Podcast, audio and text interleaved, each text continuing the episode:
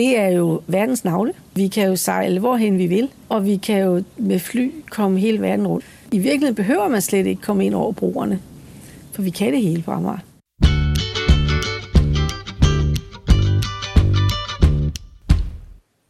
Du hørte lige Hanne Bakker udtale sig meget kærligt om sin fødeø. Hun er født og opvokset i Dragør, bor der den dag i dag og er dybt involveret i bevarelsen af den gamle fisker- og søfartsby. Dragørs historie starter i middelalderen, hvor enorme mængder af fede efterårssild begynder at trække ned gennem Øresund. I løbet af 1300-tallet bliver der etableret et årligt tilbagevendende sildemarked, som er kendt i det meste af Nordeuropa og tiltrækker tusindvis af mennesker fra nær og fjern. Markedsområdet udvikler sig efterhånden til en lille by, hvor mændene ernærer sig som fiskere, loser og sømænd, imens kvinderne udvikler en væverindustri, som kan holde dem i live, selvom manden skulle falde i havet og drukne. Markedspladsen bliver en markant handelskonkurrent til kongens København, og senere en søfartsby, der bider selv samme hovedstad i haserne. Dragør bejler i dag til UNESCO's verdensarvsliste og er med sin velbevarede gamle bydel helt unik på Amager.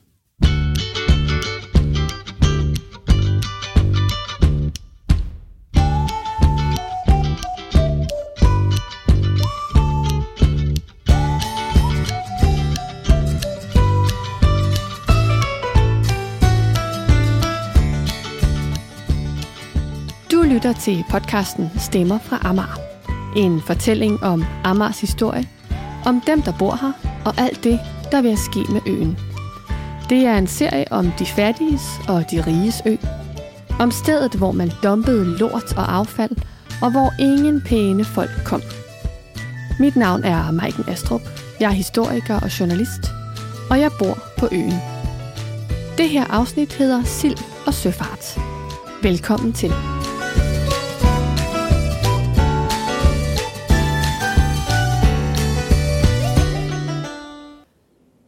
For at få et dybere kendskab til den smukke gamle fiskerbys udvikling, går jeg en tur igennem byen sammen med lederen af lokalarkivet i Dragør, Henning Sørensen.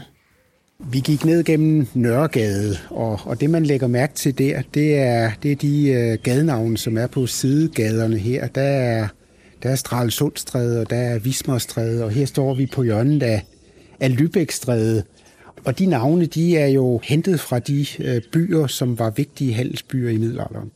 Når vi har de gadenavne, så er det fordi, at i middelalderen, så kom der handelsmænd, købmænd fra, fra de her byer og, og mange flere, og handlede her i Dragør.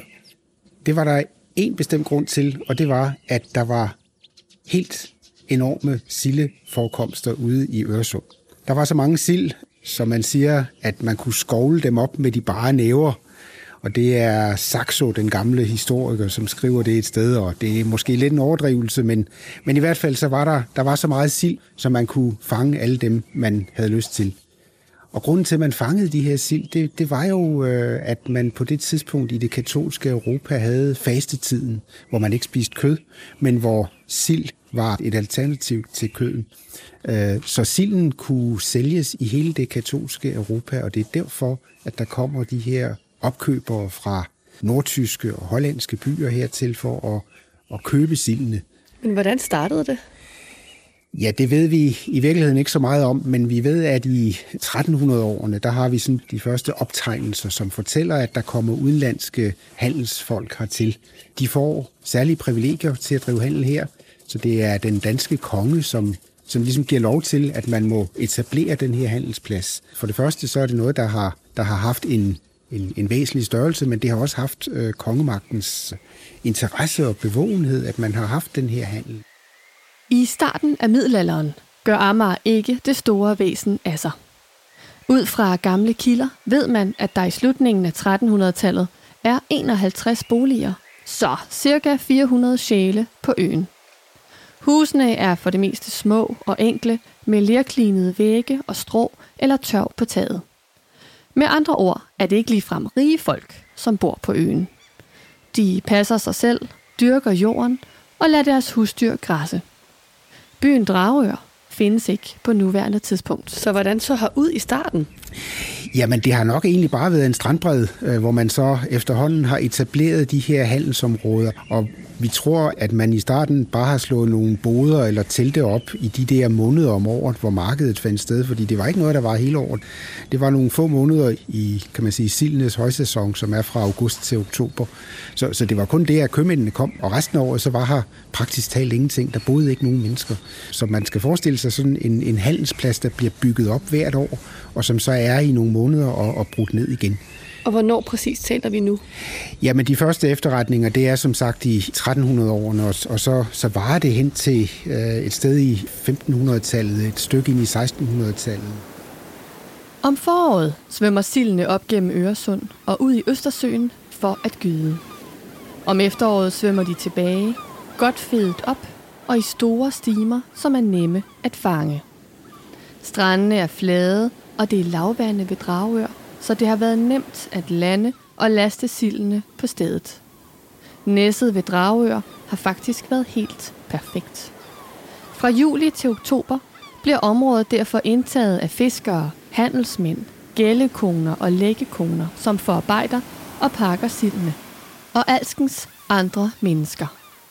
Der har været sømænd på handelsskibene, sejlmagere, madboder, slagtere, skomager, bagere, luder og lommetyve. En sand leben, som nok har vendt op og ned på øen. Det har været internationalt på den måde, at, at de købmænd, der er kommet her, de er jo kommet fra hele Nordeuropa, og de kommer fra de byer, som indgår i, i det, man kalder Hanseforbundet. Altså det, kunne man sige, det var datidens EU eller en eller anden form for handelsalliance, hvor de her betydningsfulde handelsbyer, de har lavet sådan en, en overenskomst med hinanden om, at de altså, har gensidig beskyttelse af hinandens interesser og har samhandelsmuligheder og den slags ting. Ikke? Og, og det er Nordeuropa, som kommer hertil. Det er Tyskland, det der i dag er Polen, har også byer, som er med i Hanseforbundet, og så er det Holland. Så det er sådan et meget internationalt sted. Der har helt sikkert været rigtig mange mennesker. Der er nogen, der, der sådan har prøvet at opgøre det til måske en 30-40.000 mennesker, der har været der i de der måneder, hvor markedet så blev etableret. I over 300 år er sillemarkedet et tilbagevendende fænomen, hvor der fiskes og handles. I 1420'erne giver kongen tilladelse til, at boderne må stå vinteren over. Så det har de nok ikke fået lov til tidligere. Det er også først på dette tidspunkt, at man ved, at der har været fast bebyggelse i Dragør. Men i begyndelsen af 1500-tallet går det ned ad bakke for markedet ved Dragør. Det, der jo for alvor ændrer den her handelsplads, det er, at vi i 1500-tallet får reformationen i Europa, altså hvor man går fra den katolske tro til den protestantiske, i hvert fald i Nordeuropa, og dermed så ophører den her fastetid. Altså man har ikke længere brug for at have et alternativt næringsmiddel i fasteperioden. Man må for så vidt godt spise kød hele året. En anden årsag kan jo sådan være en, en lidt mere økologisk, at, at sildeforekomsterne simpelthen er gået ned igen i Øresund. I dag vil man måske kalde det overfiskeri, altså man har simpelthen fanget alle de sild, der var, og, og når der så ikke var flere tilbage, jamen så dør markedet efterhånden ud. Men det er faktisk sådan, at en del af de købmænd, som kommer til for at købe sild, de bliver hængende alligevel. De kommer så tilbage igen, og så er det måske ikke så meget sild, de handler med. Men fordi man har handelspladsen, så kan man handle med nogle andre ting, og der er opstået den kan man sige, tradition med, at Dragør er et sted, hvor man mødes og handler. Men andre faktorer spiller også ind i udviklingen. Den danske kongemagt har siden starten af 1400-tallet forsøgt at styrke København som handelscentrum. I særdeleshed fordi byen er blevet kongens foretrukne base. Men også for at stikke hansekøbmændenes magt. De købmænd, der sidder på størstedelen af markedet i Dragør. Siden 1200-tallet har forbundet i stigende grad domineret handlen i Nordeuropa. Selvom skiftende danske konger har kæmpet aktivt imod Hanseforbundets handelsmonopol, sågar ført krig, så er det endnu ikke lykkedes. Før nu. Handlen tager langsomt af i Dragør. Men først med etableringen af handels- og søfartsbydelen Christianshavn i starten af 1600-tallet, stopper den effektivt. Kongen forbyder simpelthen handel uden for København. Er der nogen spor tilbage i Dragør fra den periode? Nej, det er der sådan set ikke. Altså de gadenavne, jeg talte om, det er jo en moderne ting, man har taget de historiske navne op igen. Så det er ikke, det er ikke sådan, at, at lige her på hjørnet af Lübeckstræde, at det var her, de Lübeckske købmænd var. Det er lidt tilfældigt. Men man har jo fundet nogle spor, og, og, og her hvor vi står på hjørnet af Nørregade og Lübeckstræde, der kan vi kigge ind over en hæk. Og inde bag ved hækken, der ligger et lille haveområde, der hedder Stakhaven. Og det er helt Øh, enestående, fordi det er et, et sted i byen, der aldrig har været bebygget. Så der fik arkeologerne for en del år siden, de fik så mulighed for at grave ned i undergrunden og undersøge de spor, der var af handelsområdet. Så Stakhaven, altså det her lille øh, haveområde her, det kan man sige, det er det vindue, vi har haft til at kigge ned i middelalderhistorien. Det er altså ikke videre nemt at lede efter spor i undergrunden. For Dragør er bebygget med fredet kulturarv og husene står tæt. Så arkeologiske udgravninger finder kun sted, når folk for eksempel skal renovere kælderen. Selve Dragør by bliver først etableret efter, at sildemarkederne er aftaget. Og det er primært hollændere og skåninge, som er med til at bebo byen. I 1520'erne flytter en gruppe hollændere til Amager og bosætter sig i Store Magleby sandsynligvis på opfordring af Christian den anden. Hollænderne flytter ind på en række gårde og etablerer sig hurtigt med landbrug, fiskeri, kvægeavl og salg af deres varer i København. De bliver især berømte for deres udsøgte grøntsager. Hollænderne holder sig meget for sig selv, gifter sig med hinanden, taler nederlandsk og senere plattysk med hinanden og mænger sig ikke med de danske festebønder på øen. Omkring år 1600 begynder de at anlægge en havn. Både til fiskeri, transport af deres varer, som skal sælges i hovedstaden, og transport af heste og kvæg til øen Saltholm. Hvor kommer navnet Dragør fra? Ja, det er der forskellige forklaringer på. Den mest skudsikre forklaring, det er, at, at det, det stammer fra det farvand, som ligger lige udenfor Dragør Havn, og det, der hedder Drogen, altså den rende, som som man sejler igennem, når man sejler mellem Amager og, og øen Saltholm ude i Øresund. Det har heddet Drovden fra de tidligste tider. Det er nok et hollandsk ord. Det betyder noget i retning af en trakt eller en indsnævring. Så det er sådan den første del af det. Og øer, det er enten et øre, altså en pynt eller sådan et fremspring på, på Amagers kyst, som der jo netop er herude, hvor vi er på kan man sige, Amagers sydøstpynt. Så øret kan godt være den der pynt, der har været ud for, for Drovden. Langsomt begynder de yngre generationer i Store Magleby at flytte ud til den nye havn. Traditionen tro er det nemlig den første fødte, som overtager gården, og så er de fire-fem yngre søskende nødt til at finde sig et andet sted at bo. Og de kan ikke alle sammen gifte sig til nabogården. Fiskeriets rolle bliver mindre og mindre, men op igennem 16- og 1700-tallet vokser handlen og søfarten, og dermed behovet for loser søfolk, skibere og bjergere. Dertil sejler kongens flåde ikke sjældent igennem Øresund og har ofte brug for loser i det lave og vanskelige farvand. Dragør vokser sig så stor, at den i 1700-tallet er Danmarks næststørste søfartsby. Kun overgået af København. Nå, kan du øh, fortælle mig, hvor vi er henne nu? Jamen, nu står vi øh, faktisk nedenunder det, der er Dragørs vartegn, nemlig det store lostårn, som, som måske det øh, folk de øh, kender fra Dragør, hvis de har været på besøg herude. Øh, lostårnet, det er, det er sådan et symbol for, på Dragør Loseri, som har ligget øh, i bygningen inde bag ved os. Los erhvervet, det var noget af det, der fulgte med, da Dragør blev en stor søfartsby, fordi rigtig mange i byen havde jo kompetencer i at, at færdes til søs, altså de var dygtige navigatører og kunne finde vej ude på havet. Og det udnyttede de så til at hjælpe nogle af de andre skibe med at komme sikkert igennem Øresund. Øh, Øresund, hvis man ser på et søkort, så er det et øh, ret besværligt farvand at sejle i, fordi der er en hel masse lavvandede områder, og hvis man ikke passer godt på og, og kender kursen, så, så sidder man fast. Så helt tilbage i 1600-tallet, så er der folk fra Dragør, som faktisk lever af at sejle ud og hjælpe de skibe, der skal passere igennem Øresund. Så det bliver sådan en anden, en anden erhvervsgren her i Dragør, det er at drive loseri. Og loseriet bliver måske Danmarks største i antal af loser. En overgang så har man cirka 80 mand ansat til at hjælpe skibene.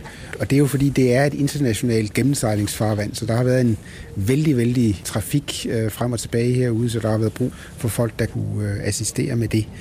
Og lostårnet blev så faktisk opført ret sent, fordi man, man havde brug for at holde udkig ud over vandet, for at se, om der var skibe, der hejste det her særlige losflag, som, som tegn på, at man ønskede assistance af en los.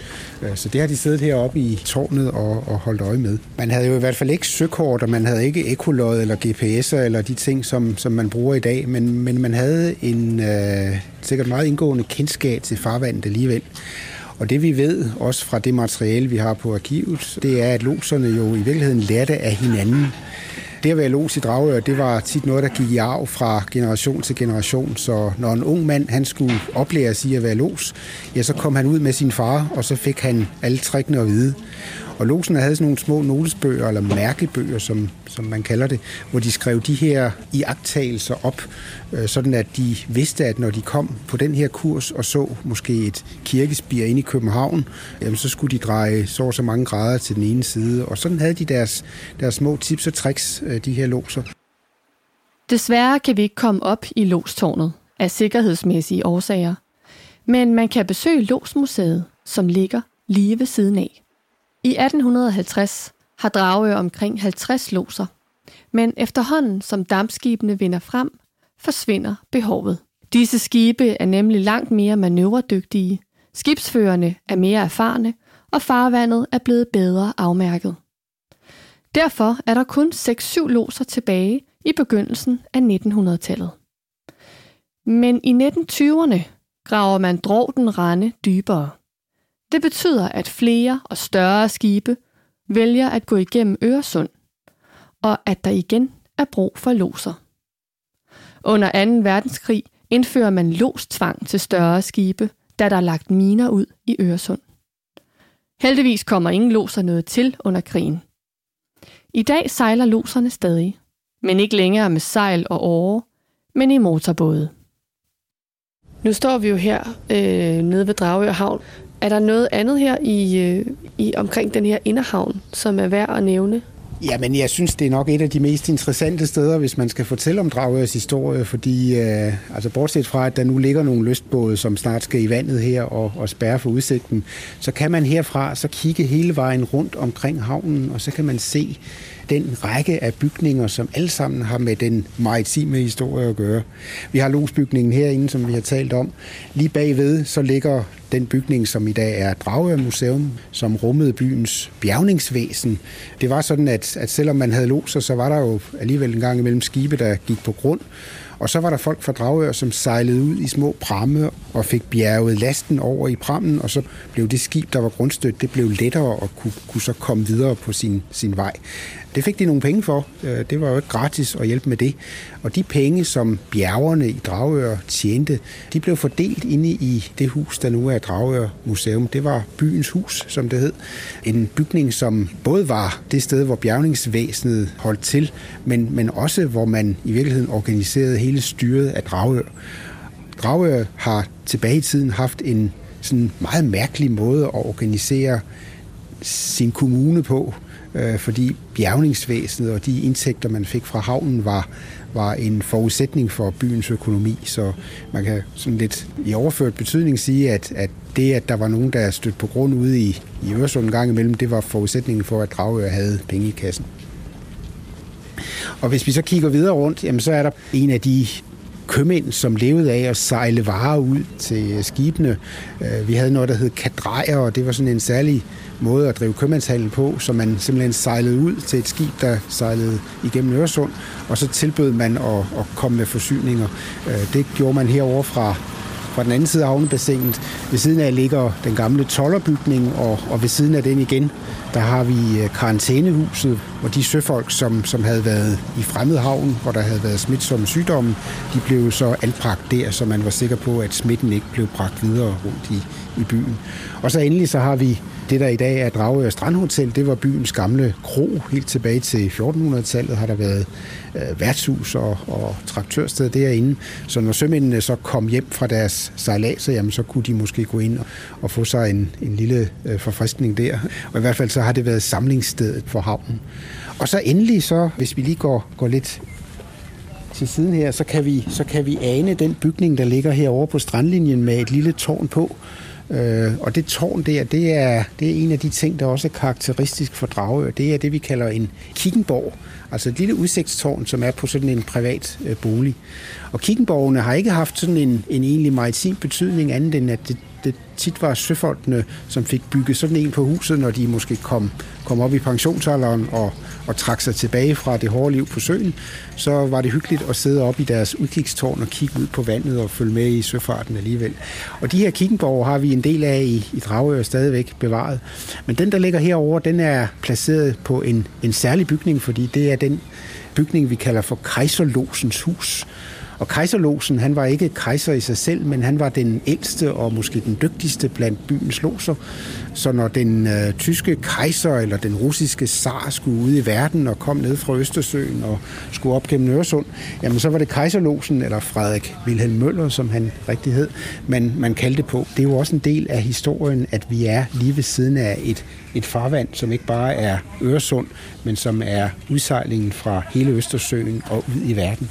Så, så der har jo været den der internationale trafik øh, langt, langt tilbage, som draget også har været en del af. Vi bevæger os væk fra havnen og op i byen. Her er husene lave, oftest gulkalkede, med rødt tegltag og sprossede vinduer. Det meste træværk er enten flaskegrønt eller hvidt. Gaderne er belagt med toppede brosten, og langs husmurene vokser der stokroser. Det er et meget gennemført og stilsikkert byområde, vi bevæger os igennem. Og romantisk. De mange søfartserhverv har faktisk været med til at definere måden, man konstruerer Dragør på. Jamen nu er vi kommet ind i, i øh, selve Dragør by, øh, og, og, og det her det er jo sådan en labyrint af gader. Hvis man, hvis man ikke har været her før, så far man meget hurtigt vildt, fordi det er svært at orientere sig. Gaden de går sådan set nogenlunde lige, men, men der er alligevel nogle små bukninger og små pladser og sådan noget, som, så man kan hurtigt miste orienteringen. Men byen, som den ligger i dag, det er den by, som opstår i 16-1700-tallet, som man kan sige er boligby for, for byens søfolk. Og, og det vil sige, at den har en helt anden karakter end, end den handelsby, som var her i middelalderen. Der havde man brug for en form for butik eller forretning ud mod gaden, men, men den by, der er opstået i dag, det er jo en, en boligby, altså en by, hvor søfolkene har boet. Husene ligger faktisk i lange rækker øh, orienteret øst-vest. Øh, og det gør de af den grund, at det typiske dragehus, det har indgang mod nord, og så er det have mod syd. Og det er jo det, som man, man meget senere bygger ind som et, et øh, godt princip i, i boligbyggeri, at man, man orienterer haven mod syd, fordi det er der solen er. Men det gjorde man faktisk allerede i Dragør i, i 1700-tallet. De boliger, man har lavet her, det har typisk været nogen, der kun har fungeret som, som et sted, man var i uden for arbejdstiden. Altså, man har ikke brug for at dyrke grøntsager til eget forbrug og sådan noget. Det har man købt af bønderne op i Stor Magleby. Der har sådan set kun været lige plads til fritidslivet her. Der har ikke været sådan noget, der har knyttet sig til boligen ud over den lille gårdhave eller gårdsplads, der har været her. Dragør udvikler sig altså til en af landets største søfartsbyer med sømænd, skibere, loser og alt, hvad der følger med. Og byen indrettes efter deres værv. Men hvad med kvinderne? Hvad lavede de? Ja, det er jo det, man tit glemmer, når man fortæller om Dragørs historie. Det er mændenes historie, fordi det var dem, der var på søen. Det var dem, der var hjemmefra øh, måske øh, tre fjerdedel af året, og så kom de hjem og, og sørgede for, at der blev født nogle børn en gang imellem, men, men så var de afsted igen.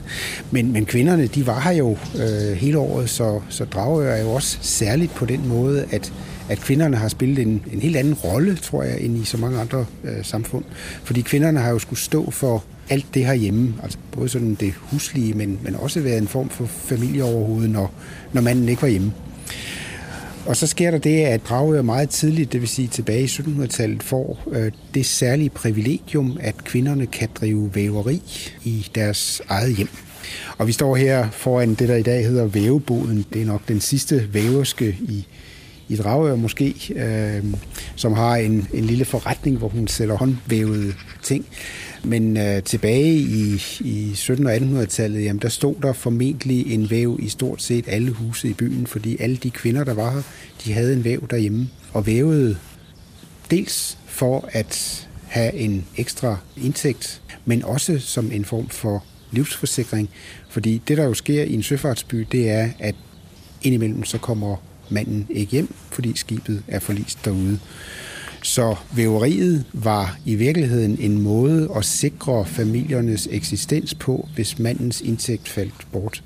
Man kan gå over på Dragør Kirkegård og se den tavle, der står på kirken over de søfolk, som er druknet, og det er altså ganske, ganske mange.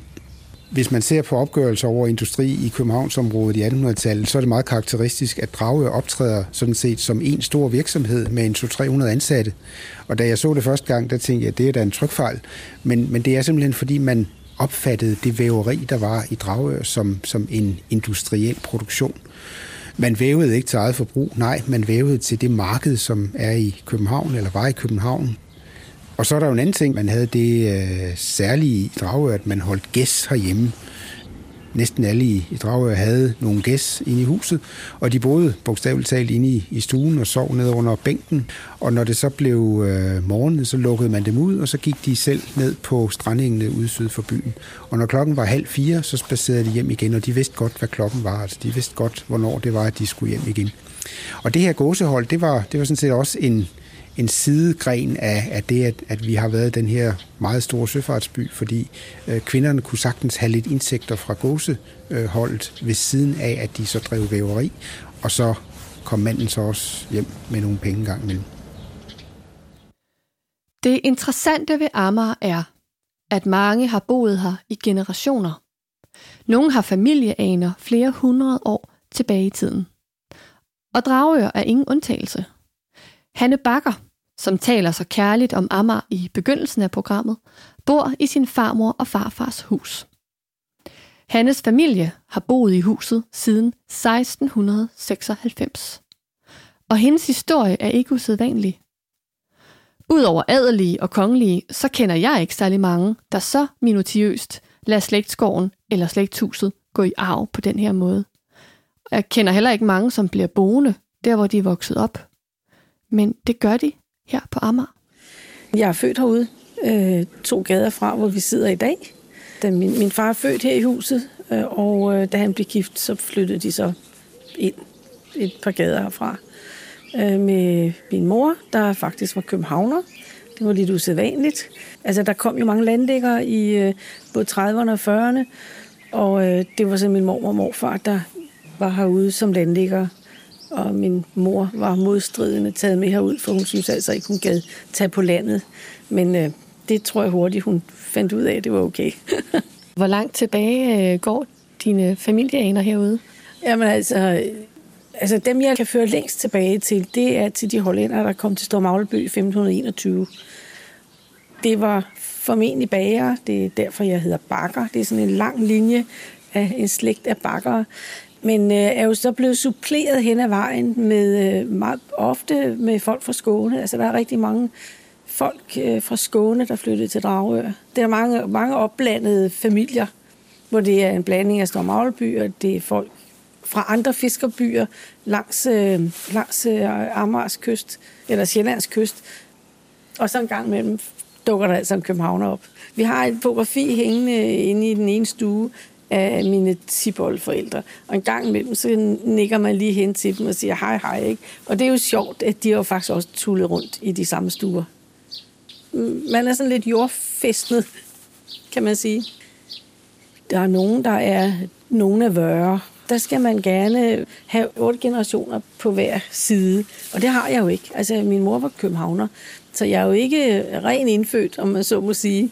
Men jeg tror da nok, at der er mange, der i hvert fald tidligere har betragtet mig som en af vøre, fordi familien har boet her altid. Hanne Bakkers hus er af en helt særlig kaliber.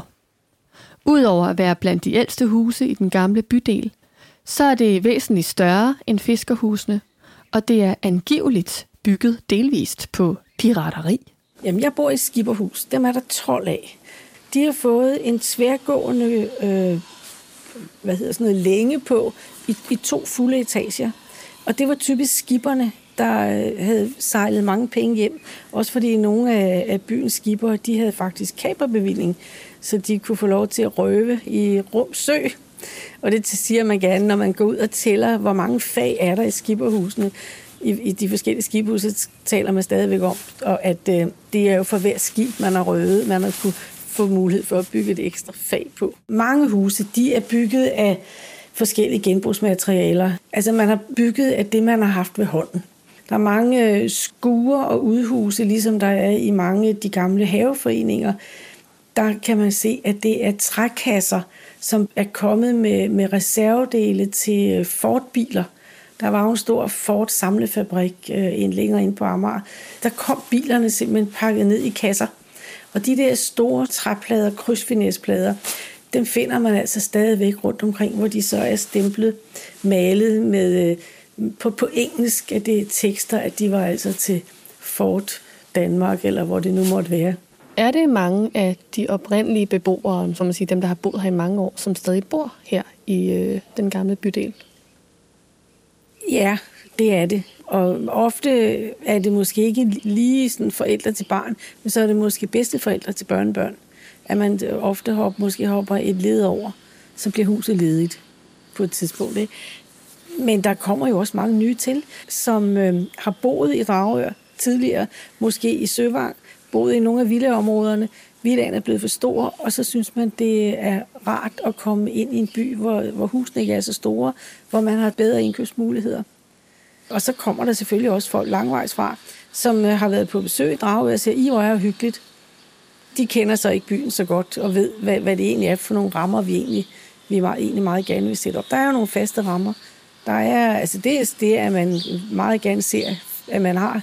Man dyrker det gode naboskab, men også, at man passer på byen. Vi har en bevarende lokalplan, og det kan så knibe, hvis folk kommer langvejs fra, de kommer med deres, de håndværker, de kommer med hjemmefra, som ikke kender til vores by og de rammer, der er for, hvordan man passer på byen. Det har vi lidt bøv med indimellem. Cirka 350 af de gamle huse er bevaringsværdige, hvoraf 80 er fredede. Et hus i den gamle del af Dragør koster som regel på den forkerte side af 50.000 kroner per kvadratmeter. Altså 6-8 millioner for et fireværelseshus med gårdhave. Jamen, jeg synes jo, at man skal prøve at bevare den her særlige by. Og øh, det er svært. Kravene til boliger er store. Folk har mange penge øh, og vil meget gerne bo luksuriøst, som man bor i, i villakvarterer. Og det er en udfordring for byen. Både, øh, man kan sige, det helt åbenlyse, det er, at man også gerne vil have sine biler til at holde lige uden for sin dør, som man har i villaområder. Det er bare ikke muligt, fordi det er ikke til at parkere i den gamle by. Det har vi da mange udfordringer med. Det er vigtigt, ligesom, at byen præsenterer sig som den der enkle by, som den altid har været. Men det er en udfordring. Men det er jo også en udfordring med, man kan sige, med ombygninger.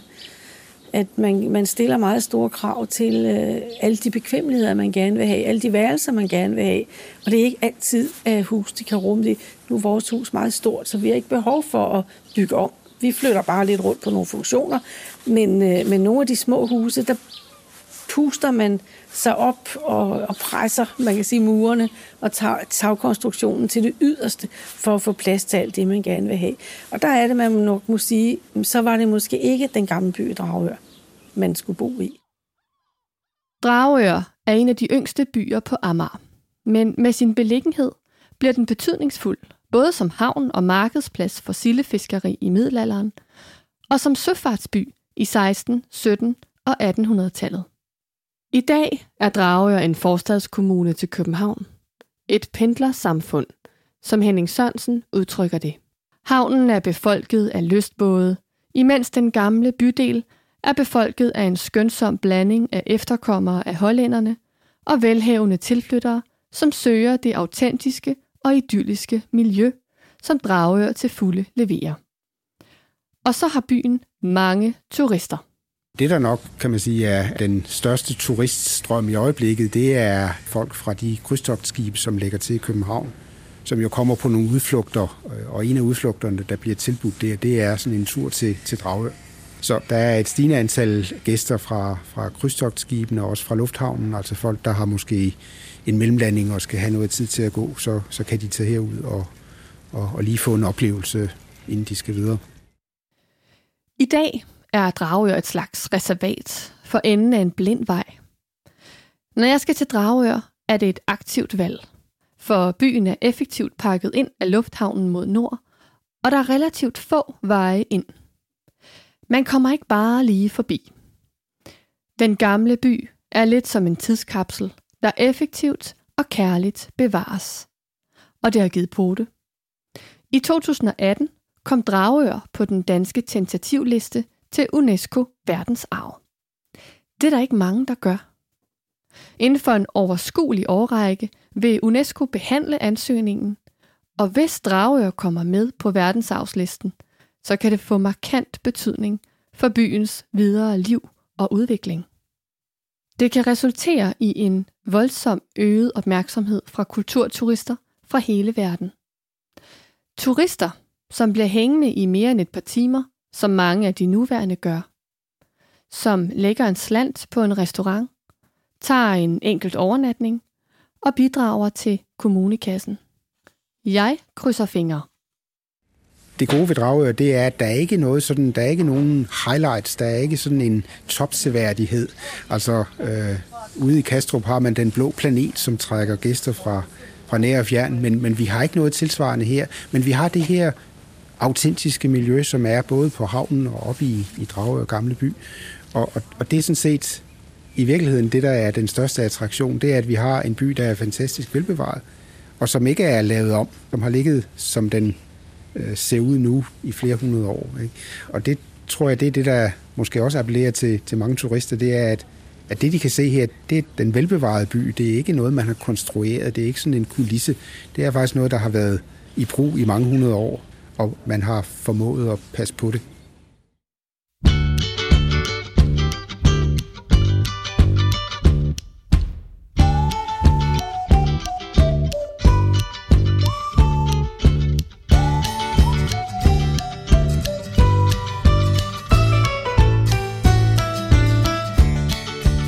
Jeg håber, du har nyt historien. Hvis du har lyst til at vide mere om Dragørs opståen, så kan jeg anbefale Kikkenborgen, som er Dragør Lokalarkivsblad. Af websites kan jeg anbefale dragørhistorie.dk. I det næste afsnit af Stemmer fra Amager ser jeg nærmere på hollændernes ankomst til Store Magleby og deres indtagelse af øen. Jeg håber, du har lyst til at lytte med, når afsnit 3, Tilflytterne, rammer æderen. Den her podcast har kun set dagens lys, fordi jeg har fået støtte fra Amager Øst Lokaludvalg, Amager Vest Lokaludvalg, Dragør Kommune, Tornby Kommune og Museum Amager. Podcasten er optaget og klippet sammen af mig, Maiken Astrup. Mastering-tekniker er David Ronø fra Branch Out Sounds. Fotos til projektet er taget af Rikke Colburn. Musikken, jeg har spillet, hedder Love Life og kommer fra purpleplanet.com. De lyde, jeg ikke selv har optaget, kommer fra freesound.org. Stemmer fra Amager har selvfølgelig en Facebook-side, hvor du kan læse mere, få tips til øen og følge med. Du kan også skrive til mig via min hjemmeside astrup.media. På genhør.